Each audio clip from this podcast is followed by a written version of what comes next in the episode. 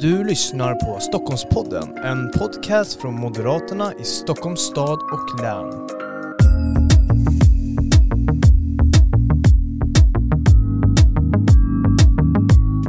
Ja, varmt välkomna till ännu ett avsnitt av Stockholmspodden. Det här är ju Moderaterna i Stockholms stad och läns podcast där vi pratar aktuell politik, brinnande sakfrågor och annan information med dels våra främsta företrädare men också med andra personer från andra delar av eh, vårt samhälle på olika positioner. Men idag ska vi ju prata med dig Jessica Rosenkrantz. Du är en av våra företrädare. Vem är du? Ja, jag heter Jessica Rosenkrantz och är miljö och klimatpolitisk talesperson för Moderaterna. Mm, och det är ju precis det vi ska prata om idag, miljö och klimat. Eh, en fråga som blir ständigt mer och mer på agendan för, för väljare, men även här i samhället. Men innan vi går in på det så tänkte jag först, jag, jag funderar alltid på vilken fråga jag ska ställa som så inledande som är lite, som inte har med politik att göra. Och eh, jag brukar ju ställa den här åt till frukost, standardreporterfrågan.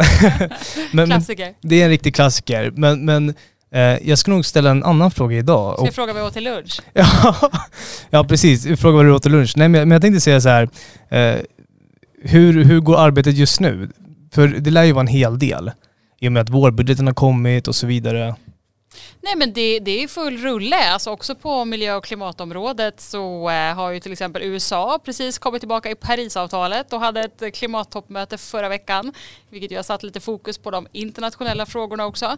Så att vi försöker ju bevaka på alla håll och kanter vad som händer nu på, på, på det här området. Så att det är fullt ös. Mm. Det måste vara intressant nu ändå Biden som, som ny president, på något sätt har vi väl kanske Eh, miljö och klimatfrågan hamnar på agendan igen, både internationellt när en stormakt också driver på. Men det är jätteviktigt. Alltså USA är ändå det är en världsledare på så många sätt och kanske inte minst då för vad vi brukar säga den fria världens mm. liksom, ledare. Och det är ju otroligt viktigt nu efter, efter um, Trump-åren mm. att, uh, att USA nu är tillbaka och liksom sätter klimatfrågorna högt. Sen som för många andra så är det upp till bevis också, uh, även för, ja, för Biden. Så att ja, säga. precis.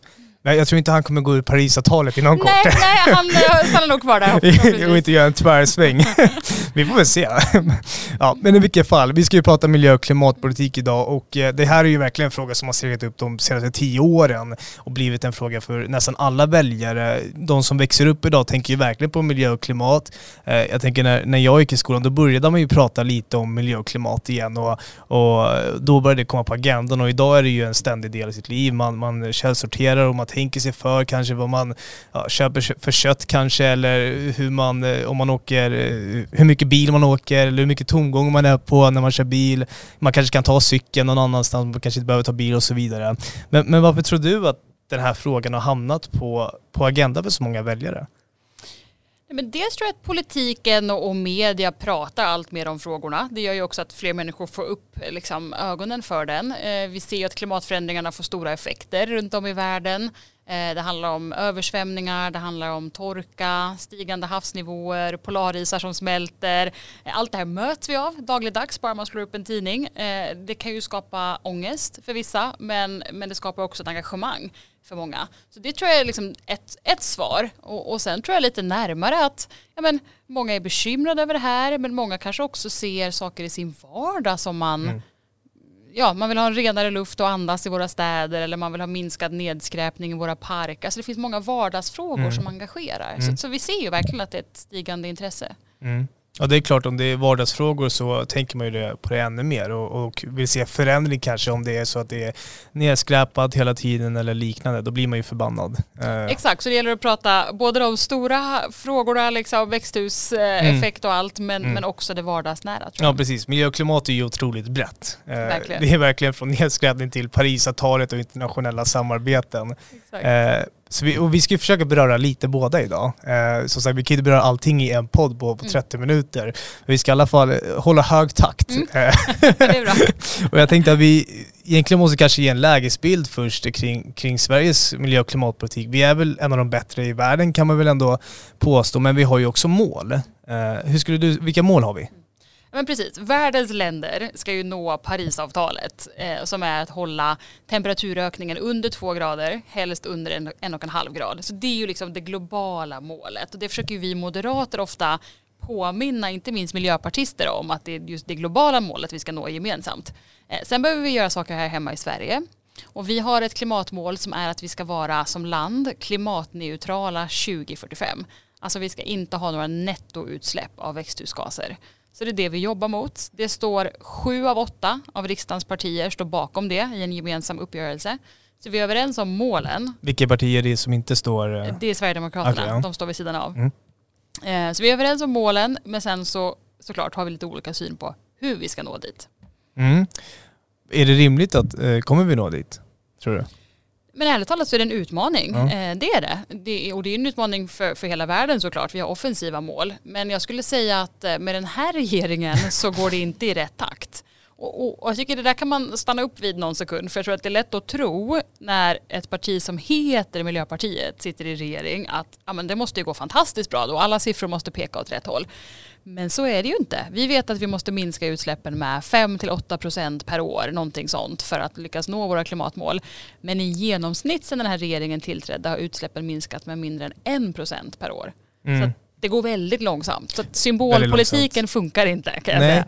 Jag tänker stanna där vid Miljöpartiet. Det är precis som du säger, för att man har ett parti som har miljö i namnet i riksdagen eller i regeringen så betyder det ju såklart inte att det eh, går framåt så som man önskar. Men skulle du säga att Miljöpartiet har kanske spelat ut sin roll, för de har väl ändå haft en roll i svensk politik när de kom in som eh, ett parti som, som brydde sig om en fråga som kanske inte de andra partierna hade på sin eh, nummer tre-lista, topp tre-lista. Mm. Nej men verkligen, jag tycker man kan, det kan man väl ge Miljöpartiet, att de har liksom fört upp frågorna på agendan långt innan många andra partier gjorde det. Så, att, så det, kan man väl, det kan man väl ändå ge dem. Mm. Det betyder ju inte dock att deras politik, varken då eller nu, är den rätta. Men de har absolut satt frågorna på, på dagordningen.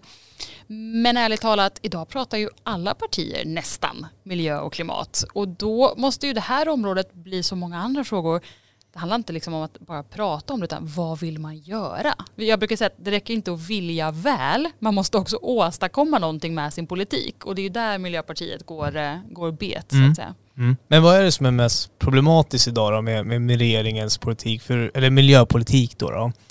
Vad är mest problematiska? Men man, eh, vad är det man säger, man silar mygg men sväljer kameler, heter det så? Om någon, om, om någon nu lyssnar i efterhand och det här blir fel så får jag väl... Då kan ni mejla till Jessica och säga att, eh, eller hur det ska vara. Exakt. Man går liksom på fel frågor. Men ta bara plastpåseskatten, mm. ta elcykelpremie, ta eh, liksom mängder med sådana här små symbolåtgärder. Vissa kanske är rätt, andra är helt fel. Men de löser inte de stora problemen. Så när vi tittar på vad som behöver göras då för att nå det här stora mm. klimatmålet, ja, då är det ju hög grad elektrifiering till exempel av hela samhället. Men där vill ju Miljöpartiet vill inte utvinna mineraler och metaller som behövs för batterierna. Man vill ehm, man vill egentligen inte, eller man gör i alla fall inte, bygger ut elnäten i den takt som krävs. Man lägger ner fossilfri energiproduktion när vi behöver mer. Alltså på liksom, de här stora områdena så går man helt vilse och så lägger man all sin tid och kraft på, på små symbolfrågor som tyvärr inte kommer lösa problemet. Mm. Nej precis, och eh, tänker att eh, du, var in, du börjar komma in på de moderata lösningarna. Vi ska ju såklart inte prata om Miljöpartiet allt för länge så jag tänker att vi, vi går in på, på vår politik egentligen på det här området. Eh, och eh, bara som en, en konsekvens av att Miljöpartiet kom in i riksdagen. Ja, om deras kanske en politik hade varit eh, i linje med vår så kanske inte vi då hade börjat att utveckla en sådan miljö och klimatpolitik som vi har idag. Nej. Och jag tror att folk börjar, börjar se igenom det där också. Vi, vi, ser ju på Miljöpartiets väljarstöd, inte minst nation, nationellt, att det är ju på mm. väldigt låga siffror. Och då har vi andra länder, ta Tyskland nu, där vi ser att de gröna eh, seglar upp som det största partiet i vissa opinionsmätningar. Så att jag tror att här hemma börjar nog, jag tror att många väljare längtar efter en miljö och klimatpolitik som är på riktigt. Mm. Och, och liksom, den tiden är förbi då Miljöpartiet hade monopol. Ja men precis, de vill ha effektiva lösningar helt mm. enkelt som, mm. som gör skillnad. Eh, och inte betala mer i skatt, onödiga skatter till exempel. Som plastpåseskatt. Och vi var ju största parti ska jag säga, en av mätningarna här ja, som precis. kom under, um, under våren när man mätte väljarnas förtroende mm. i, miljö och klimatfrågan. Det, bo, det bådar ju gott mm, det, framtiden. det ska vi understryka. Bra ja. där. Eh, jag tänker att, att eh, Sveriges transport och industrier står ju tillsammans för två tredjedelar av Sveriges utsläpp. Hur kan vi ställa om dessa verksamheter utan att vi skadar tillväxten och jobben? För tillväxten och jobben är ju någonting som, som vi moderater fortfarande värnar om såklart. Eh, vi, det är en viss långtidsarbetslöshet som växer i Sverige. Eh, vi, ja, jobb, jobbmålet som Stefan Löfven hade har ju gått ja, käpprätt åt andra hållet, eller andra hållet. Så jag tänker, hur ska vi kunna göra klimatsmarta omställningar utan att skada då befintliga jobb och tillväxt? Och det du sa nu är så viktigt för att det där skriver ju inte alla under på men det är någonting vi understryker. Vi behöver tillväxt och hållbarhet hand i hand. Det är länder som har råd att satsa på klimat som kommer att satsa på klimatet. Det vill säga det är inte de fattiga länderna utan det är länder med tillväxt, eh, teknikutveckling, innovation. Där ser vi de stora klimatframstegen. Så det här måste gå hand i hand. Också vill jag säga, ska, ska vi inbilla oss, vi vill ju vara ett föredöme Sverige, mm. men ska vi vara det och andra ska vilja ta efter, då måste vi kunna kombinera tillväxt och hållbarhet. Mm. Eh, nej, men vi behöver ställa om, som du säger, industri och transporter. Och, och eh, på transportsidan brukar vi säga till exempel, vi ska inte slå undan benen för transporterna utan vi ska bli av med utsläppen. Och det är en väldigt stor skillnad. Vi ska värna bilens plats i samhället till exempel. Vi ska värna människors möjlighet att flyga. Men vi ska göra det på ett grönt sätt.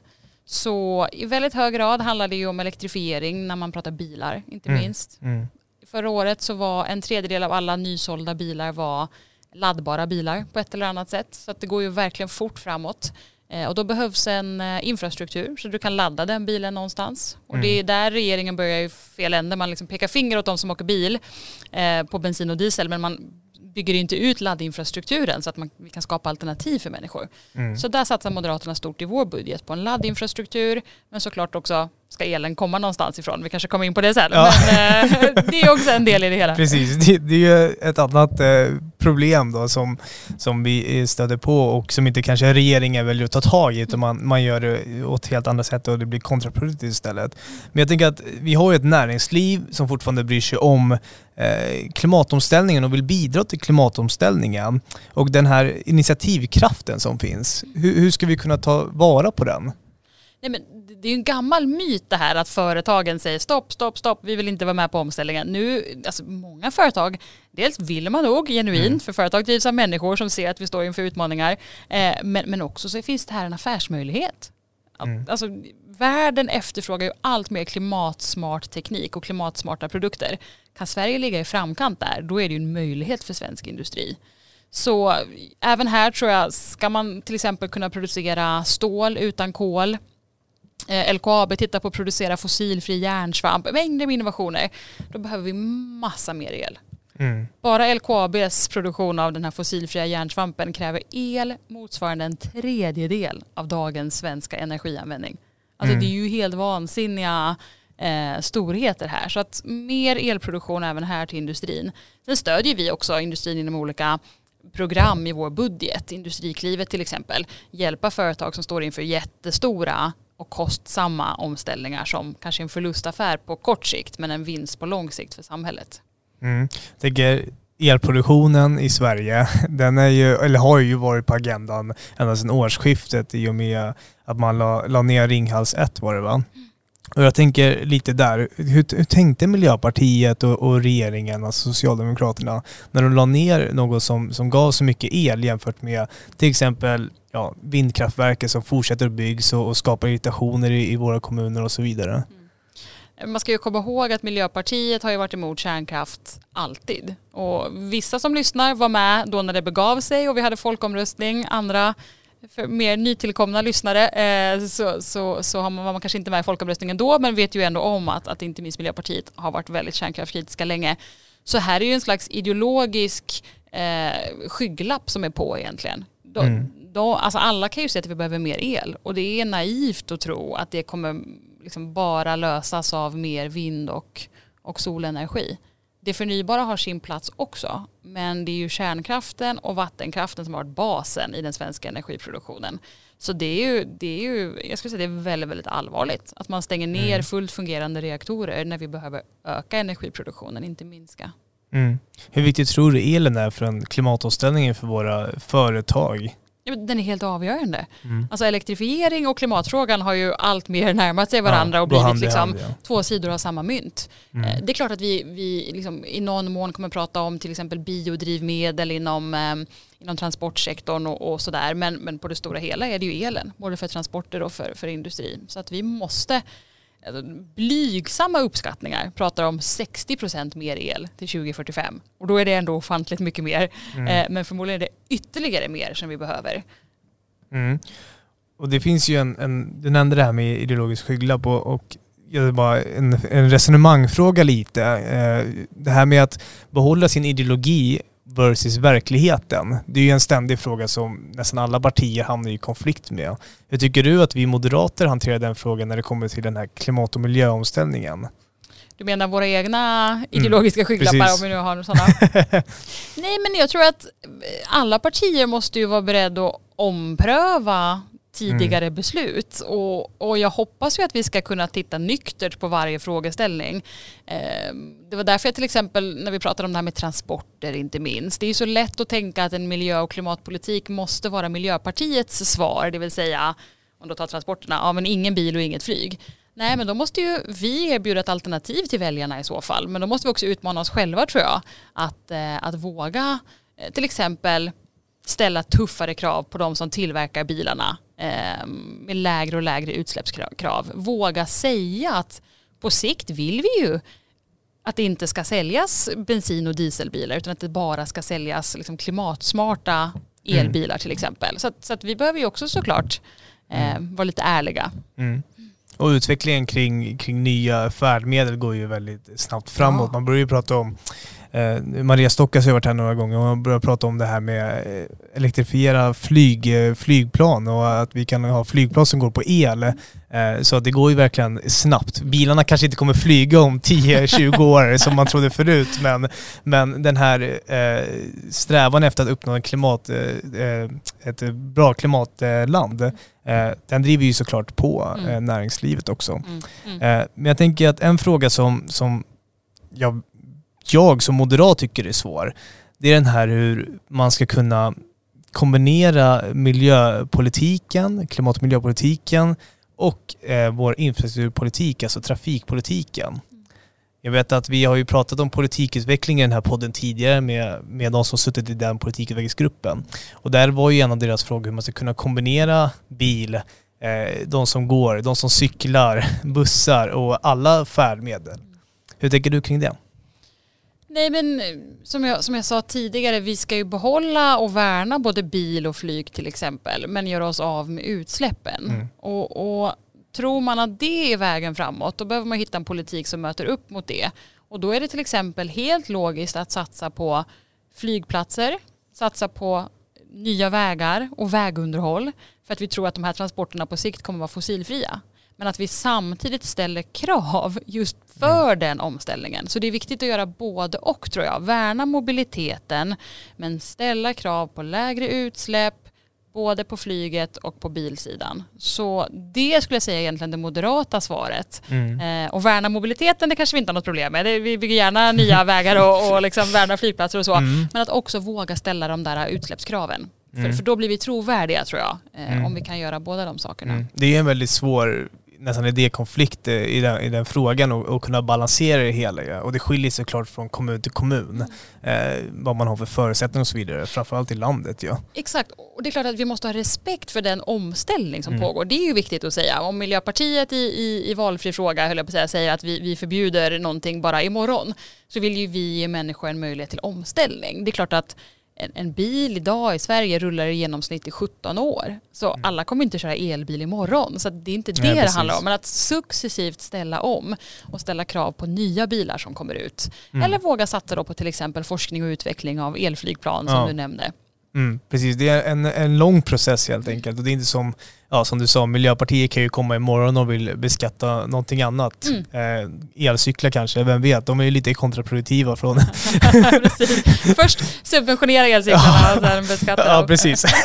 ja, man vet aldrig. Samtidigt ska vi veta hur fort det går. Som ja. jag sa, förra året bara, en tredjedel av alla nya bilar var elbilar. Så att, mm. så, så, att det händer ju någonting. Så där ska vi vara med på tåget också och inte, inte tro liksom att vi eh, att, eh, att, att, eh, att det är en omöjlighet att ställa om utan tekniken finns ju här. Mm. Men politiken ska, ska peka ut färdriktningen också och säga att det är dit vi ska. Mm, precis. Och jag tänker att Sverige är ju ett, om man jämför med andra länder, då, ett föredöme när det kommer till miljö, miljö och klimatarbetet men ja, som alla vet så stannar ju inte utsläppen inom nationsgränsen utan det går ju såklart, det som Kina släpper ut påverkar ju oss i Sverige också. Och hur tänker du kring det? Vi pratade ju lite i början om det här med, med internationella samarbeten, eh, Parisavtal bland annat, för att eh, kunna uppnå de här målen. Hur viktigt är det med internationella samarbeten? Nej, men det är ju helt avgörande. Jag sa ju det, vi ska göra vårt här hemma och jag tror till och med att det kan vara en vinstaffär för Sverige eh, att, att ställa om tidigt och exportera klimatsmart teknik till exempel.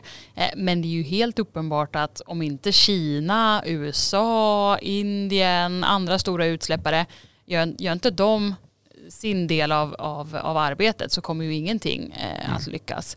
Så vi behöver ju, tror jag, dels använda EU som är ett faktiskt ett klimatföredöme på många sätt. Vi har ju vår handel med utsläppsrätter som sätter mm. pris på utsläpp. Det är egentligen ett helt fantastiskt styrmedel för att, för att se till att minska utsläppen. Så det måste vi fortsätta skärpa och utveckla. Vi tror ju mycket på att få gemensamma regler mellan flera länder så att det blir, mm. blir på riktigt. Eh, men vi vill också ha globalt minimipris på koldioxid. Alltså egentligen alla länder ska ha en koldioxidskatt. Eh, den ska inte tas in av någon liksom stort globalt forum eller så utan den är fortfarande nationell. Ja. Men att alla länder sätter pris på utsläpp. Då får vi lika spelregler. Mm. Mm. Och skulle du säga att Sverige som nation och ett föredöme i miljö och klimatarbetet internationellt sett har ett ansvar kanske att, kan man säga, utbilda länder som kanske inte är lika framgångsrika eller har samma kunskap när det kommer till miljö och klimatarbetet? Jag tror att vi dels kan visa med konkret handling om vi då har en, en vettig miljö och klimatpolitik och kan visa att tillväxt och välstånd går, går hand i hand med klimatet. Då kan vi ju inspirera andra att se wow det här var ju faktiskt positivt. Man behöver inte alltså stänga ner landet mm. för, att, för, att, för att nå våra klimatmål. Men också tror jag faktiskt hjälpa länder konkret. Vi satsar ju en del på klimatbistånd i vår budget. Vi vill att Parisavtalet också ska handla om att rika länder hjälper fattiga mm. och, och få tillgodoräkna sig en del av de utsläppsminskningarna. Eh, så att det finns en roll att spela för rika länder att hjälpa fattiga i omställningen. Det, det är helt klart och regeringens, vi brukar säga klimatnationalism, alltså det här mm. med att man bara stirrar sig blind på, på Sverige, det blir farligt på sikt om vi på riktigt ska nå, om, om vi ska liksom hejda klimatförändringarna på riktigt så kommer ju utsläppen så att säga, ja de färdas ju över nationsgränser som du säger så att man mm. behöver ju ha en mycket bredare internationell utblick än vad den här regeringen har. Mm. Skulle du säga att andra ja, men nationalstater eller företag är lite rädda för den här klimatomställningen? Man kanske inte riktigt man kanske inte riktigt vet eh, hur man ska navigera fram för att om man är orolig kanske för sin tillväxt i landet eller, eller andra faktorer som spelar större roll. Mm. Alltså dels tror jag många länder står ju inför eh, en tuff situation att de är väldigt beroende av kol mm. till exempel. I Sverige är vi ju, vår energiproduktion är 98% fossilfri, mm. apropå kärnkraften. Mm. Och så ska regeringen montera ner den fossilfria energiproduktionen. Det är helt galet. Men om man då tittar på andra länder, extremt beroende av kol. Det gäller ju även vissa rika länder. Så där har du ju en, helt, alltså en mycket, mycket större utmaning. Eh, och sen är det väl så att en del fattiga länder eh, ja, de kan ju ha viss poäng i det de säger. De menar att ja, det är inte vi som har skapat alla utsläpp utan det är de rika länderna. Mm. Så då får ju ni ta, ta ert ansvar. Liksom. Men de kommer ju ikapp, gör inte de det? Jo men exakt, men ja. de säger så här, nu är det vår tur. Ja. Och då är ju egentligen vårt svar, men vi kan hjälpa er att göra er tillväxtresa mer hållbar än den mm. vi gjorde. För nu finns ju annan teknik, nu finns annan energi. De får ta en del av ansvaret själva, men vi kan också hjälpa till. Mm. Precis, de behöver inte uppfinna hjulet igen, utan Nej ett internationellt samarbete då, att EU eh, tillsammans med kanske de eh, stora makterna USA och så vidare tar, tar, eh, tar kampen mot det här. Jag tänker att Moderaterna har ju ökar ju en hel del i den här frågan, miljö och klimat. Och precis som du nämnde förut så hade vi ju högst förtroende i den här mätningen. Men hur ska vi fortsätta växa i frågan, tror du?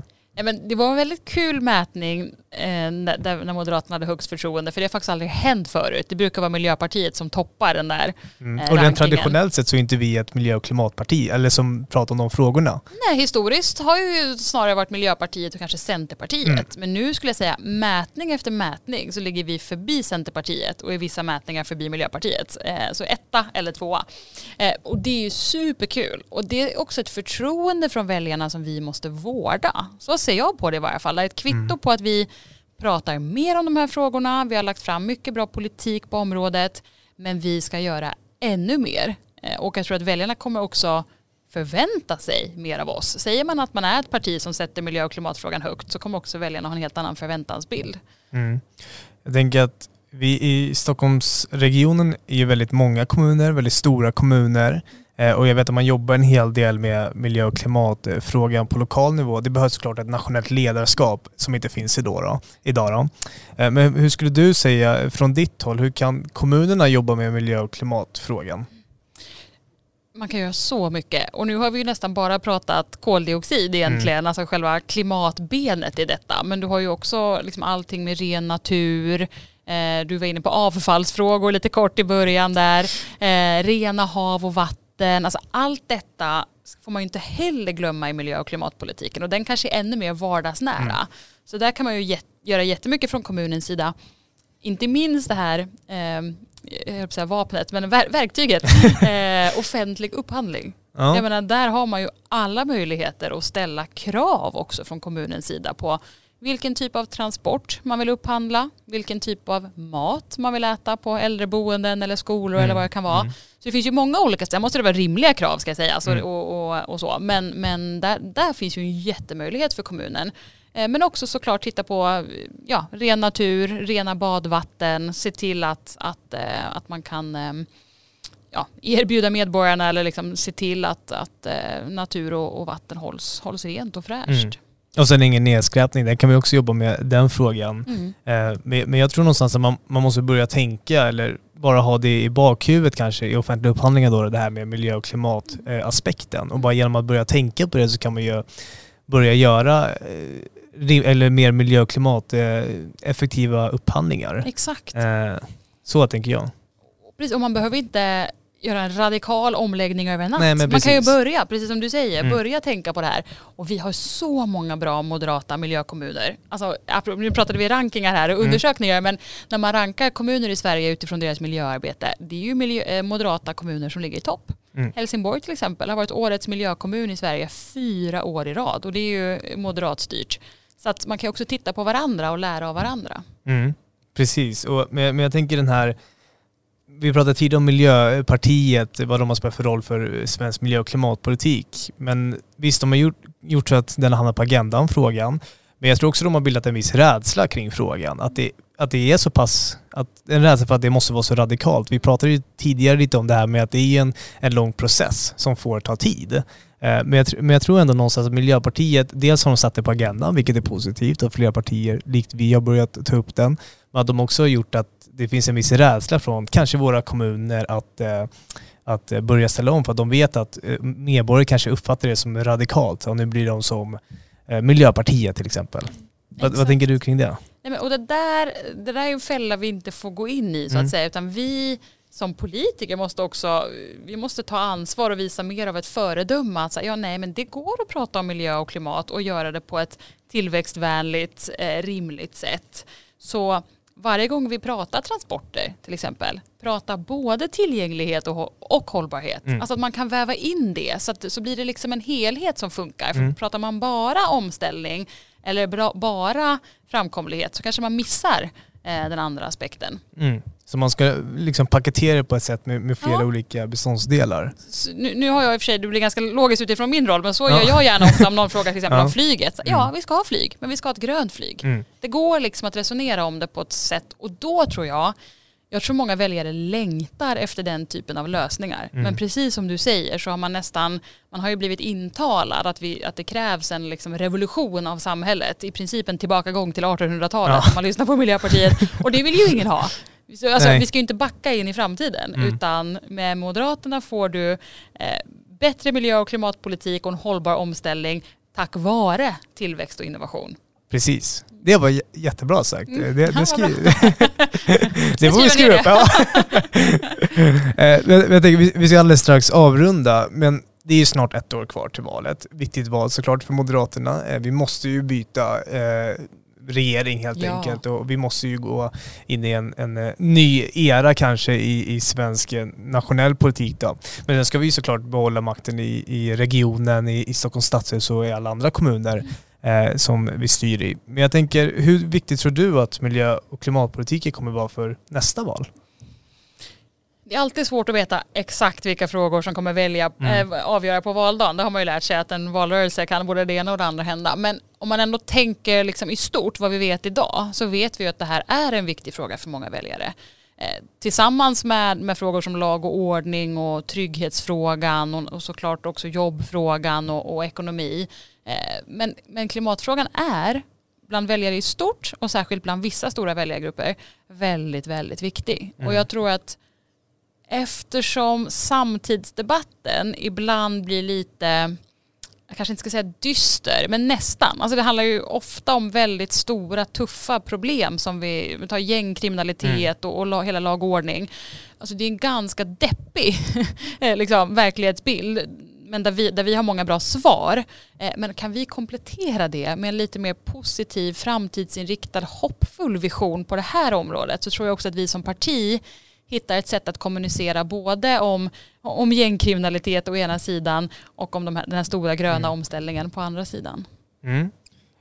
Hur kan det bli en valvinnare tror du? Miljö och klimat? Kanske i vissa grupper, i vissa städer? I vissa grupper tror jag absolut att det kan bli det. Eh, och, och inte minst i våra städer oftast. Mm. Nu har jag inga exakta siffror på liksom Stockholms stad nu till ja, vi exempel. bara spekulerar men... Det ska vi säga, vi bara spekulerar Snillen här. spekulerar. Ja. eh, nej, men vi har ju sett andra mätningar och så. Men vi, vi vet ju att ofta eh, i urbana områden inte minst så, mm. så kommer den här frågan väldigt högt på agendan. Så jag tror att det finns en, en jättepotential för Moderaterna. Och som sagt, nu är vi ju det Eh, borgerliga parti med störst förtroende så i de här frågorna. Så det finns ju liksom en jättearena för oss här att, att verka på. Mm. Och det ska vi eh, fortsätta jobba med. Nu säger jag att vi ska ju sätta punkt för, för den här podden. Eh, men jag vill tacka dig Jessica för att du kom hit för att tala om miljö och klimatpolitik. Som sagt, det är ju verkligen väldigt brett. Det är ju från EU-nivå, internationell och USA och Biden till mm. det här med skräpplockning eller ja, källsortering hemma och så vidare. Eh, så det finns säkert möjlighet för oss att prata om det här ännu mer eh, vid ett senare tillfälle här i Stockholmspodden. Absolut. Eh, men jag vill tacka dig som sagt för att du kom idag. Och även till dig som lyssnat. Och som sagt, vi kommer ju fortsätta och publicera en hel del nya avsnitt. Så det är bara att eh, hänga med eh, i den höga takten vi håller. Eh, men med det sagt får jag önska dig en fortsatt fin dag eller kväll beroende på när du jobbar. Eller inte jobbar, men beroende på när du lyssnar. Jag är inne på den här arbetslinjen mycket. Ja, det är bra. Den ska vi ha. ha det fint. Hej. Jättetack.